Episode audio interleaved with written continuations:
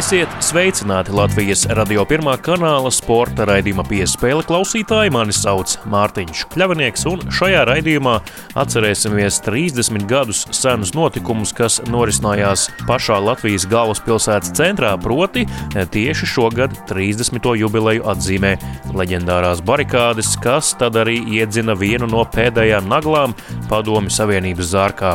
Sarunāsimies ar vienu no tā laika notikumu acu lieciniekiem, kurš tobrīd bija aktīvs aktīvs sportists.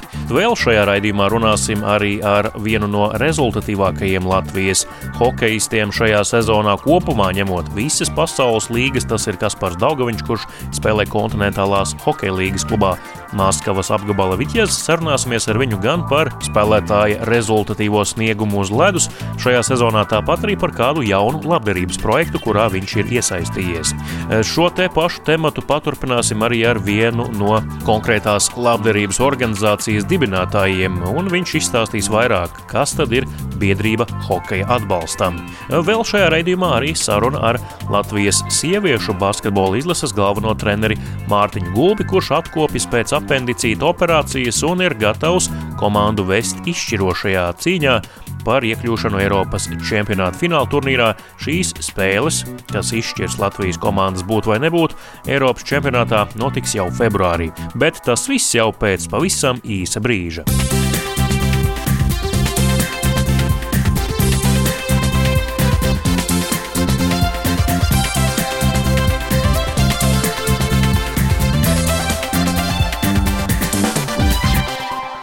Jūs klausāties Latvijas radio pirmā kanāla sporta raidījumu piespēle studijā Mārtiņš Kļavinieks.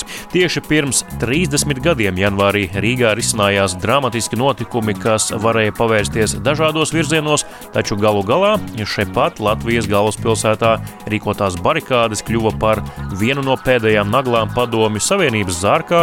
Galvaspilsētu ar dūrēm un stekiem aizstāvēja arī virkne sportistu, viņu vidū bija daudz bobsleistu, arī 1900. 1988. gada Ziemas Olimpisko spēļu čempions Jānis Čipurs. Brīvas valsts smārža tolaik gaisā virmoja un daudzi to negribēja laist vaļā, lai gan Padomju Savienība cīnījās pretī. Barikādes kā aizstāvības veids pret agresoru varu ir joprojām kaut kas unikāls pasaules vēsturē.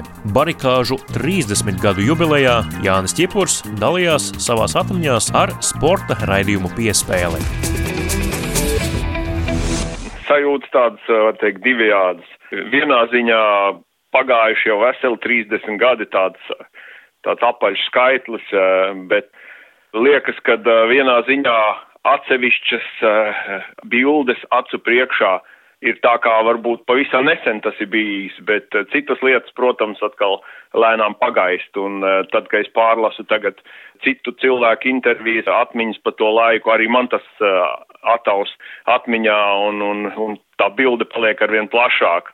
Jā, nu, mums sportistiem tas bija ļoti spontāns, bet ļoti loģisks lēmums tajā brīdī, kad sākās tie asiņainie notikumi Viļņā, mēs uzreiz sazinājāmies, sanācām, saka, kopā un, un izlēmām, ka uh, tas ir, tās sarkanās robežas ir pārkāptas un, un mēs nedrīkstam vairs pārstāvēt šo valsti, kas pret saviem cilvēkiem ir pacēlusi roku un, un ir notikusi asins izliešana, un mēs atteicāmies piedalīties PSRS izlasē un pārstāvēt šo valsti. Un jā, un tad, kad uh, notikumi, kā saka, Viļņā tur sākās, pēc tam mēs sapratām, ka mēs jau esam līdzīgā situācijā ar lietuviešiem un viss tas pats var notikt pie mums un mēs organizējāmies un visa Latvijas sabiedrība bija satraukusies un, un bija cilvēki, kas uzņēmās vadību un organizēja, eh, lai tas nav viss pārāk spontāni, bet lai ir kaut kāda organizācija visiem tiem notikumiem un mēs sportisti arī izlēmām, ka mēs gribam tajā procesā būt iekšā un gribam būt eh, līdzdalībnieki eh, mūsu eh, jaunievēlētās valsts aizstāvēšanā. Nokļuvām ministru padomu sēkā kā aizstāvi, kā aizsargi šai iestādēji. Daudzi vidējās un vecākās paaudzes pārstāvi noteikti atceras tā laika Latvijas televīzijas iemūžinātos kadrus, kad jūs tikāt filmēti, kā sargājat ministru padomu sēku. Jā, es atceros arī to momentu, kad uh, viņi bija pie mums ar to televīziju un Un, nu, mēs tur visi savācāmies kopā un jāatzīmē, ka tur pārsvarā mēs bijām bobslēgisti, bet bija arī citu sporta veidi, arī vieglatlēti, bija Jānis Bojārs bija un, un vēl neatceros, vēl, vēl man liekas vairāk citu veidu sportisti, tā kā mēs bijām tāda, nu, kā saka, laba komanda, spēka struktūru, sporta ziņā spēka struktūru pārstāvji. Jā, nu, mēs īstenībā jau nebijām uh, tam uh, speciāli gatavojušies, mums nebija iekrāti nekādi bruņojumi, lai mēs to varētu bruņotā veidā aizstāvēt, bet pirmām kārtām mēs gribējām būt ar, ar savu cilvēku resursu turklāt, bet, nu, sapratām, ja jau mēs te reiz esam, ja tā situācija ir tāda visriņķī nokaitēta un, uh, un ir iespējams arī, ka, ka tas eh, nu, kaut kas notiks eh, nopietnāks, un tad mums ir kaut, kaut kas jāsagatavo, lai mēs tiešām varētu arī aizstāvēties reāli, ne tikai stāvēt ar plikām rokām. Un mūsu mehāniķi ātri no, norēģēja, izgatavoja mums vismaz steku tādus pamatīgus no kabeļiem, no rašniem kabeļiem, rokturi uztaisīja un, un mums vis, visiem tika piegādāts, nu, tas jau labs instruments ir, ja, ja iznāk kādas tūcīņas, kas bija iespējams, teiksim, ja notiek kaut kāda ielaušanās ministru uh, padomas ēkā iekšā, tad iespējams arī būtu kādas tūcīņas vai, vai, vai kaut kas tam līdzīgs, un tad mēs bijām uh, tam sagatavoti, jā. Tolaik pieņemot šo lēmumu atteikties no startēšanas PSRS izlasē, jūs riskējāt uh, gan ar savām ģimenēm, gan iespēju tās nodrošināt, vai bija kāds garantijas, ka viss būs labi un tomēr būs no kā dzīvot? Nē, mums pilnīgi neviens nekādas garantijas, neviens neko nesolīja, nekādu plānu nebija, tas viss bija ļoti spontāni, eh, ļoti, eh, kā saka, negaidīti. Viss vienkārši situācija tāda bija, un visi norēģēja, un visi nedomājot par, par to, kas būs rīt vai, vai pēc mēneša, vai, vai mums būs ar ko barot ģimeni vai ne. Pirmais mums bija aizstāvēt uh, mūsu valsti, mūsu, mūsu valdību, mūsu, kā saka, savus cilvēkus un, un pilsētu. Tas bija pirmais, un tas bija svarīgākais, un absolūti pārējais jau bija otrā plānā. Ģimenes mums bija mājās, protams, sekoja, kā saka, trīcošām rokām visam līdzi, kas notiek. Saziņa jau toreiz arī nebija, mobīlo telefonu nebija tāda kā tagad, bet, nu, minimālā apjomā kaut kādā veidā arī sazinājāmies, bet, bet nebija kaut kāda noliedzoša attieksme no ģimenes puses, ka mēs tur bijām. Protams, visi, visi bija satraukušies cilvēki pārdzīvoja tuvinieki, bet mēs tur bijām un, un, un mēs nedomājam par to, ka varbūt jāpiesargājas, varbūt tomēr drošāk palikt kaut kur uh, maliņā vai nogaidīt, kas notiks, par to pat runa nebija.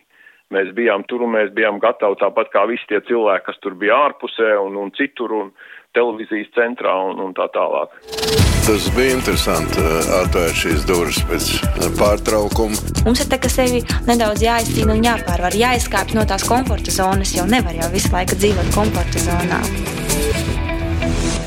Jūs joprojām klausāties Latvijas radio pirmā kanāla sporta raidījumu piespēli studijā Mārtiņš Kļavinieks un turpinājumā nedaudz parunāsim par basketbolu. Jau februārī gan Latvijas sieviešu, gan arī vīriešu basketbola izlasēji Rīgā būs jāizvada izšķirošās spēles par iespēju piedalīties Eiropas čempionāta fināla turnīrā.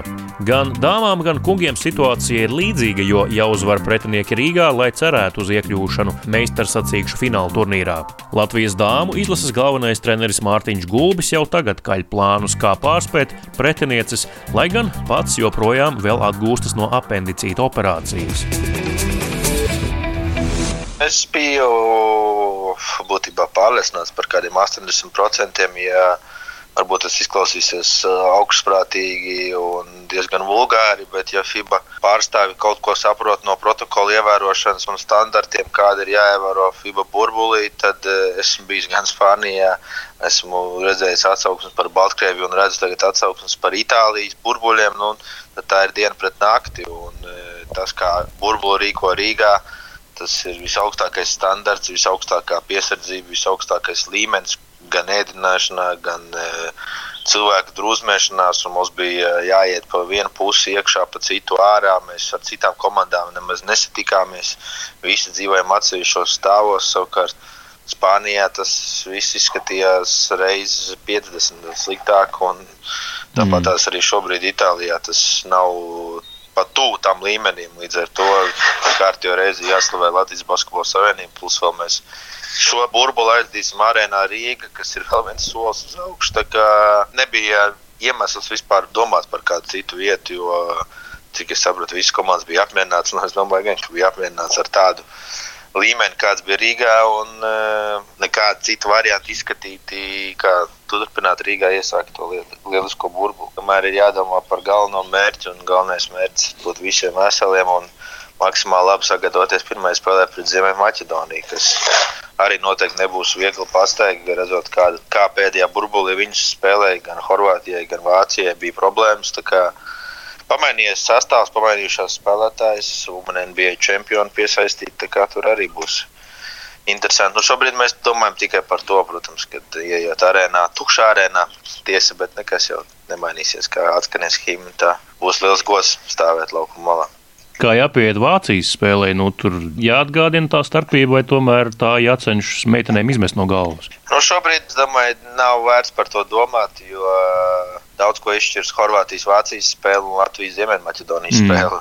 Vispirms mums jāizdara savs pirmais mājas darbs, jāuzvar Ziemeļmaķedonija, un tajā vakarā, es domāju, mēs zināsim, ar kādu pārsvaru vai kas mums ir vajadzīgs, lai lai, lai tiktu tālāk, bet šobrīd es negribētu par to domāt, jo gal galā Vācija var uzvarēt Horvātiju. Arī tāds scenārijs pastāv. Tur katrai spēlē ļoti liela nozīme. Tu pieminēji veselību, galvenais, lai visas spēlētājas ir veselas.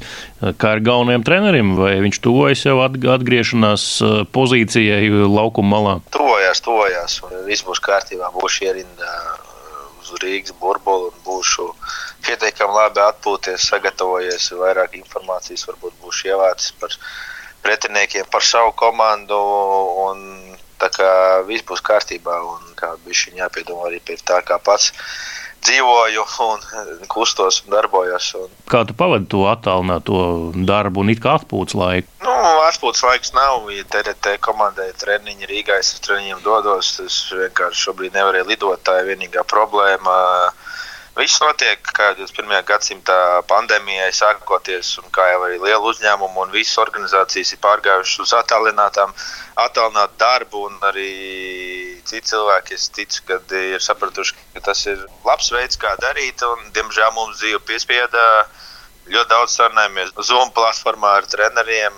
Ir tāda iespēja, ka nošērot manu ekrānu, un es varu parādīt meitenēm video, kā, kā es to arī darīju. Tas izstāstīja pilnībā visu plānu. Protams, es neesmu uz vietas, bet esmu uz ekrāna, un viņas redz visu to, ko, to, ko es gribu parādīt. Esmu diezgan eh, emocionāls un tāds uh, motivējošs treneris, tad acīm redzot, mana klātesamības efekts ir lielāks nekā varbūt kādam nosvērtākam un mierīgākam trenerim. Jā, bet tādā video analīzē, kur nav baigi emocionāli, jābūt mierīgi, jāstāsta, jāparāda lietas, tad, tad pilnībā domāju, ka tas neko īpaši nemaina.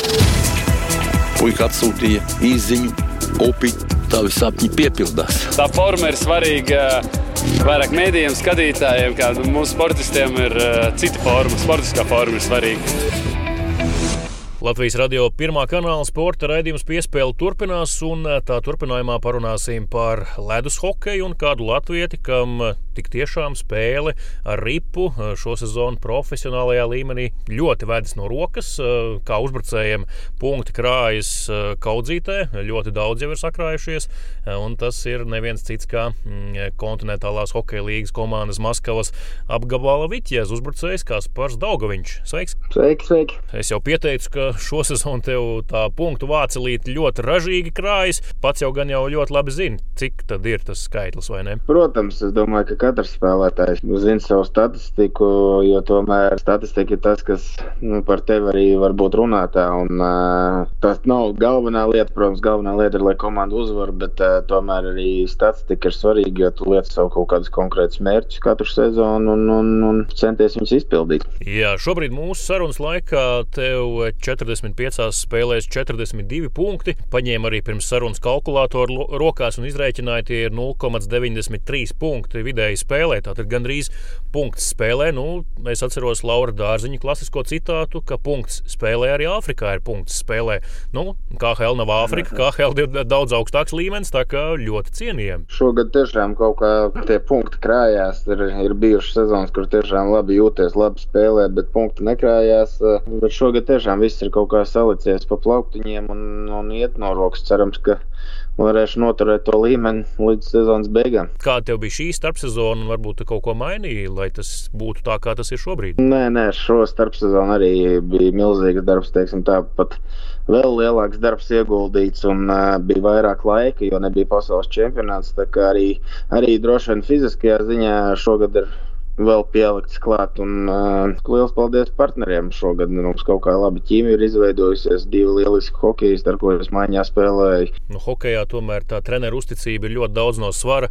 Es saprotu, ka nu, tur tev ir uh, absolūta zaļā gaisma šajā komandā. Vai tā ir? Jā, nu, uzticība vienmēr, protams, ir uh, jāizcīna. Uh, sezonas sākumā varbūt mums arī bija tā, ka maiņas mainīja, un, bet beigās, tā, kad mūs salika kopā, tad mēs to uzticību arī izveidojām treneriem. Bet jā, nu, ir, ir, protams, ka tie treneri uzticās un tev viss daudz labāk sanāk. Un, bet nu, spēles laiks ir tiešām liels šogad, un brīžiem ir spēles, kur pat pa daudz, teiksim, tā ir spēles laiks. Bet mūsu tā maiņa, tā kā vilcējs spēks, tam mums jāiet, jādara. Ka hokejs tam līdz karjeras beigām pieredze, protams, ir uh, droši vien tāds viens svarīgs faktors, kas tev līdz karjeras beigām pieaugs. Uh, katru sezonu tu kaut ko iemācies jaunu, attīsties nu, tā, teiksim, tā gudrībā hokeja. Un, uh, protams, arī fiziski, fiziski ieguldot lielu darbu. Es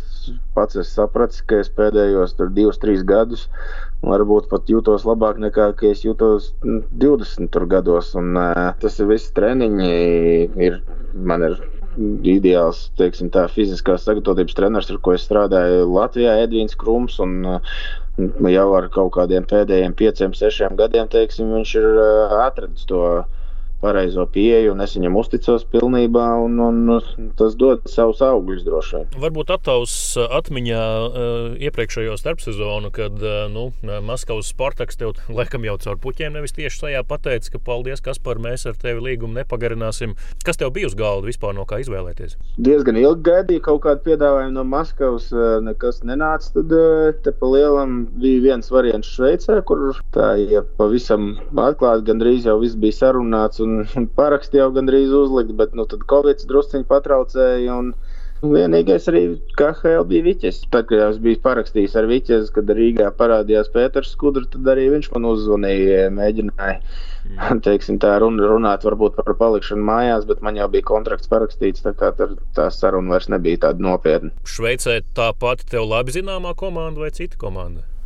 Cita, cita kontinentālā hokeja līga Vitjez, nu, dažs labs varbūt sarauca degunu, bet es domāju, tie uh, hokeja zinātāji jau saprata, ka nav nemaz tik slikti, jo nu, Vitjez jau pēdējos 5-6 gadus tomēr ir pietiekami spēlējoša, hokeja spēlējoša komanda, nevis tas, ar ko tas asociējās KHL pirmsākumos. Tā kā mm, tu pats, es saprotu, ja reiz teici jā, tad arī saprati, ka būs labi apstākļi, būs liels spēles laiks, ar to tu rēķinājies, vai ne? Protams, es braucu uz komandu, kas bija pēdējās divas divas sezonas spēlējuši playoffs.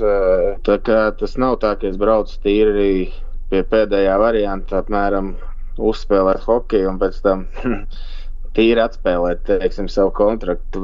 Es braucu uz komandu, kam ir ambīcijas cīnīties par uzvarām. Tas vienmēr ir svarīgi, jo tas nozīmē, ka organizācija pievērš no uzmanību savam klubam un saviem spēlētājiem un ir gatava darīt jebko, lai komanda uzvarētu. Un tāds bija mans mērķis. Protams, es zināju dažus spēlētājus, uzrakstīju, sazvanījāmies pirms tam, teiksim, parunājām. Neviens nezināja, kad vēl joprojām Covid būs un nelidos ne lidmašīnas. Tādā ziņā lokācija būtu ideāla. Līdz lidostai ir pusstunda un tur atlidot uz Rīgu. Tur pusotras stundas laikā. Ja nu kādreiz mājās sagribās Padoļskā hāle, ar Padoļskā es arī dzīvoju. Tagad uh, ir daži spēlētāji, kas dzīvo Maskavā centrā. Nu, teiksim tā, Piemaskavā. Teiksim, ja salīdzinātu Rīgu, tad droši vien būtu kaut kādi vangaži, nezinu, apmēram drusciņi pa šosei ārpus, un tu jau esi Vangažos apmēram. Liels guļošs rajons Maskavai, un lielākā daļa cilvēku tāpat brauc strādāt Maskavā. Un, un, un, nu, ar Maskavu nesalīdzinās, bet nu, nav arī tik tālu Maskava. Ja, ja es tagad iesaistos mašīnā, es domāju, ka es stundas laikā būtu pie sarkanā laukuma tas par tavu šī brīža karjeru un aktuālo situāciju. Jo mm, vēl vēlētos parunāt arī tā kā raidījumā plašāk arī runāsim par eh, biedrību mm, hokeja atbalstam. Tad es labprāt arī par tevi ar to parunātu. Tu esi šīs biedrības patrons. Kā jūs viens otru atradāt un varbūt pastāst, kas tā ir par biedrību un kāda ir tava loma tajā? Biedrība ir izveidota, ne manis izveidot, bet man uzrunāja palīdzēt un es piekrītu tam, jo es tiešām uzskatu, ka tā, tas ir milzīgs darbs, ko cilvēki ir izdarījuši, lai viņu izveidotu. Un, Tiešām tas mērķis ir varbūt ļoti cēls, palīdzēt hokeja veterāniem Latvijā, kas, kas varbūt tiešām nevar tā finansiāli atļauties pat zāles nopirkt. Pagaidām diezgan labi viss mums iet uz priekšu. Cerams, ka būs cilvēki, kas iesaistīsies, kas palīdzēs, kam, kam hokejs nav svešs un atradīsies varbūt kāds liekas eiro, ko noziedot. Uh, es vienkārši zinu, ka es iesaistījos tajā organizācijā, jo es zinu, ka katrs eiro tiešām tiks atdots uh, veterānu rokās, nevis kaut kur varbūt nelegāli novirzīts. Tu esi patrons seja, tu ziedo Ko tu vēl dari šajā biedrībā? Cenšos visu iesaistīties, gan, gan ar kaut kādām idejām, gan uh, Es zinu, ka tur priekšā tagad stāv liels tāds mērķis izveidot uh, vēl hokeja muzeju. Es domāju, ka cilvēkiem daudz interesantāk būtu muzejā ienākt nevis tikai apskatīties vecas slides un vecas hokeja nulles, bet arī, kad uh, paši veterāni pastāst par savu, kā viņi spēlē. Es domāju, ka arī viņiem tas ir interesanti. Kas saka, visi nāk skatīties hokeju, pērk dārgas biļetes, lai apskatītos, kā mēs spēlējam tur dzīvē. Bet tie ir tie cilvēki, kas pirms 40 gadiem to darīja. Varbūt atradīsies fani, kas, kas tiešām tic tam. Daļa no uh, veterāniem ir bijuši arī mani treneri. Tie tiešām nozīmē bijuši treneri, vai nu es esmu bijis kaut kādā kontaktā ar daļu no viņiem. Lielākā daļa manas paudzes, kas tagad spēlē izlasē, nu, mēs ar viņiem esam bijuši saistīti. Tas arī varbūt teiksim, tāds maziņš uzdevums ir atbalstīt viņus un palīdzēt, jo tomēr tie ir cilvēki, kas mūs ir ievirzījuši tajā lielajā hokeja. Kad tu sajūti sevī tādu nu, misijas apziņu, ka tev var būt hokejam kaut kā nevis tikai ar savu spēli, bet vēl kaut kā jādod atpakaļ. Man nav tāda kā misija vai kaut kas. Es vienkārši domāju, jau sen kopš es spēlēju hokeju, vienmēr esmu teicis, ka hokejs ir daudz ko devis man, tāpēc es labprāt iesaistos. Es nekad neatsaku, ja cilvēki ir izveidojuši labu, labu lietu ar kādu labu mērķi, nu, cēlu mērķi, nevis tur tīri paši, lai kaut ko iegūtu. Es vienmēr viņus atbalstīšu, palīdzēšu, nu, cik es varu, un par to nu, neko negribu saņemt. Un šis nav pirmais pirmais projekts. Es arī, man vienmēr pirma, pirmais, kas vienmēr sit galvā, ir ar bērniem saistītas lietas no maznodrošinātām ģimenēm, Ziemassvētku laikā, protams, un ziedošana arī, ka Latvijā ir šie pasākumi, es vienmēr iesaistos. Mm. Es uzskatu, ka, tā, ka tas vienmēr ir tikai patīkami, ja ir iespēja palīdzēt citam. Tas jau ir, man liekas, no maniem nācis no maniem vecākiem, droši vien, kā viņi man ir audzinājuši. Jā, kas par eh, nu, lieliski. Un eh, nu, jautājums, kur tev laikam nav jāuzdod, eh, ja būs pasaules čempionāts, tad jau tu jau vien varēsi būt Latvijas izlases kreklā pirmbrīdniekos, vai ne?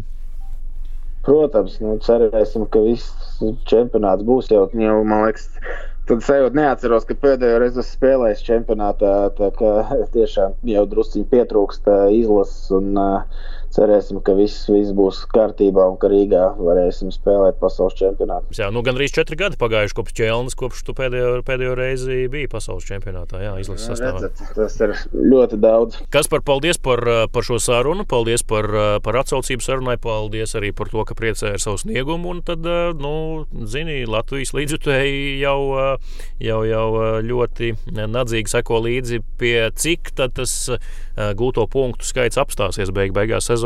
Tā kā lai izdodas vēl ražīgi savākt daudz punktu, un tad arī lai sezonas mērķi ar komandu piepildās. Tad cerams arī redzēt te uz arēnas Rīgas ledus kaut kad, kaut kad Jā. maijā.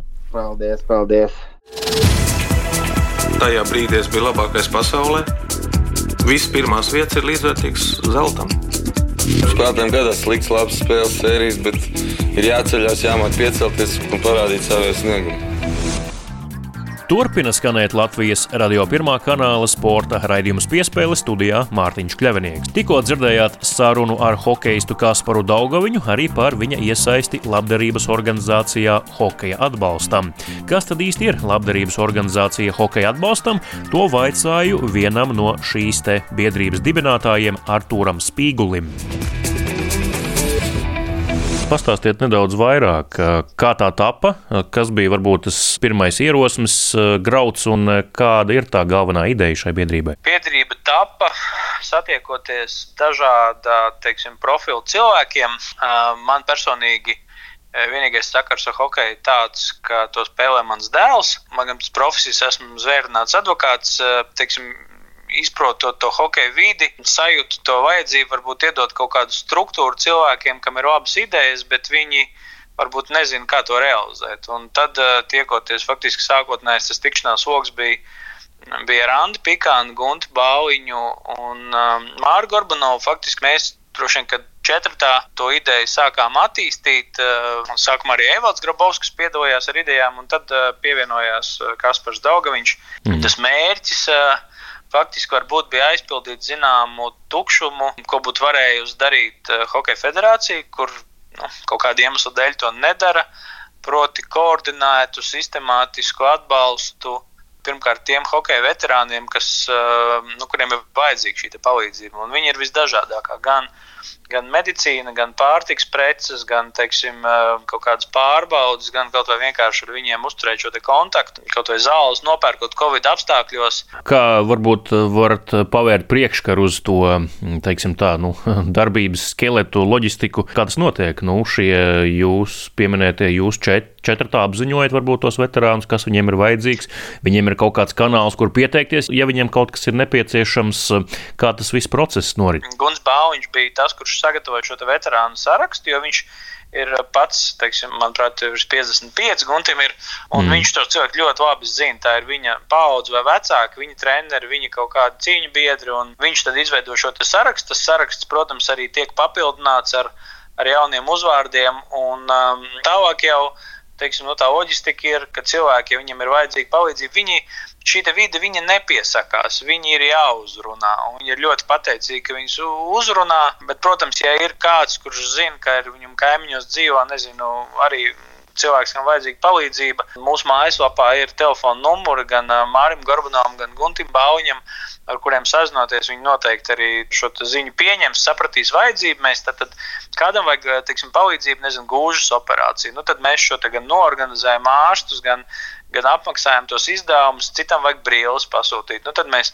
kopīgi dodamies pie optometrista, brīvs tiek piemērīts, nopirkts. Nu, tad cilvēks ļoti priecīgs. Viņš, nu, tiksim, brīvs, kas turējās uz gumiju vai kožļani, nu, tad viņas ir jaunas, smukas brīvs, kas pareizi rāda. Dobels dzināms piesaistījās un faktiski apgādāja uz Ziemassvētkiem ar, ar pārtiks tādām dāvanu pakām. Tā mēs uzņemam to vajadzību un iekļaujam sarakstā un apmaksājam. Un šī nauda ir šim nākusi no ziedotājiem. Pagaidām mums ir um, vairākas faktiski kompānijas, kas ir kā juridiskas personas ziedojušas, bet faktiski tā sākotnējā ideoloģija un tas sapnis varbūt ir, uh, ka uh, tie būtu gan hokeja fani, gan hokeja vide, gan arī paši hokeisti. Jo šie cilvēki ir nākuši no tādas paudzes, kuriem nav milzīgas pensijas. Proti, viņi savu šo pensiju stāžu krāja padomu laikos, un cik nu viņiem tā pensija šobrīd, nu, tu minimāli, ja ir, tik viņi ir. Un tāpēc liktos varbūt pareizi, ka tie sportisti, kas šobrīd ir spēka gados, viņi varbūt kaut kādu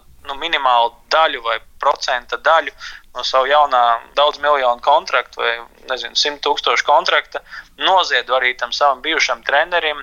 Ziedojot biedrībai naudu, tu saņem nodokļu atlaidi. Mums mm. ir tātad sabiedriskā labuma organizācijas status. Tātad, nu tā, tā kā mēs faktiski nodrošinām šo infrastruktūru, struktūru, sistēmu, lai tas atbalsts tiešām aiziet līdz galam. Tikpat labi tie ir amatieru hokeisti. Ja šobrīd uh, faktiski spēlēt nav iespējams, ja daudzas halas ir slēgtas un uh, varbūt tā nauda, ko kāds amatieru sportists būtu pircis jaunus cimdus, tagad vai nūju, vai, vai maksājis pa vārdu, varbūt nezinu, tos 20, 30 vai 50 eiro, viņš var noziedot, viņa aiziet labam mērķim. Čempionāts būs vai nebūs, bet varbūt tā nauda, ko kāds būtu samaksājis par biļeti arēnā, varbūt viņi var aiziet labāk, labam mērķim, veterānu atbalstam. Ir kādi plāni arī eh, nākotnē, tās varbūt darbības eh, lauka paplašināšanai? No tādiem virzieniem, kurām mēs šobrīd skatāmies, ir um, iespējams izveidot arī hokeja muzeju. Strādājam, šis varbūt ir tāds paralēls virziens. Nu, mums ir diezgan skaidra vīzija, bet varbūt negribētos pirms laika šobrīd stāstīt. Bet mums ir padomā ļoti, ļoti interesants hokeja muzejs. Līdz ar to arī izskan šīs nedēļas sporta raidījums piespēle. To vadīju es, Mārtiņš Kļavinieks, bet man to veidot palīdzēja kolēģe Inita Krēsa-Katkovska un skaņu operātore Nora Mītspapa. Uz sadzirdēšanos!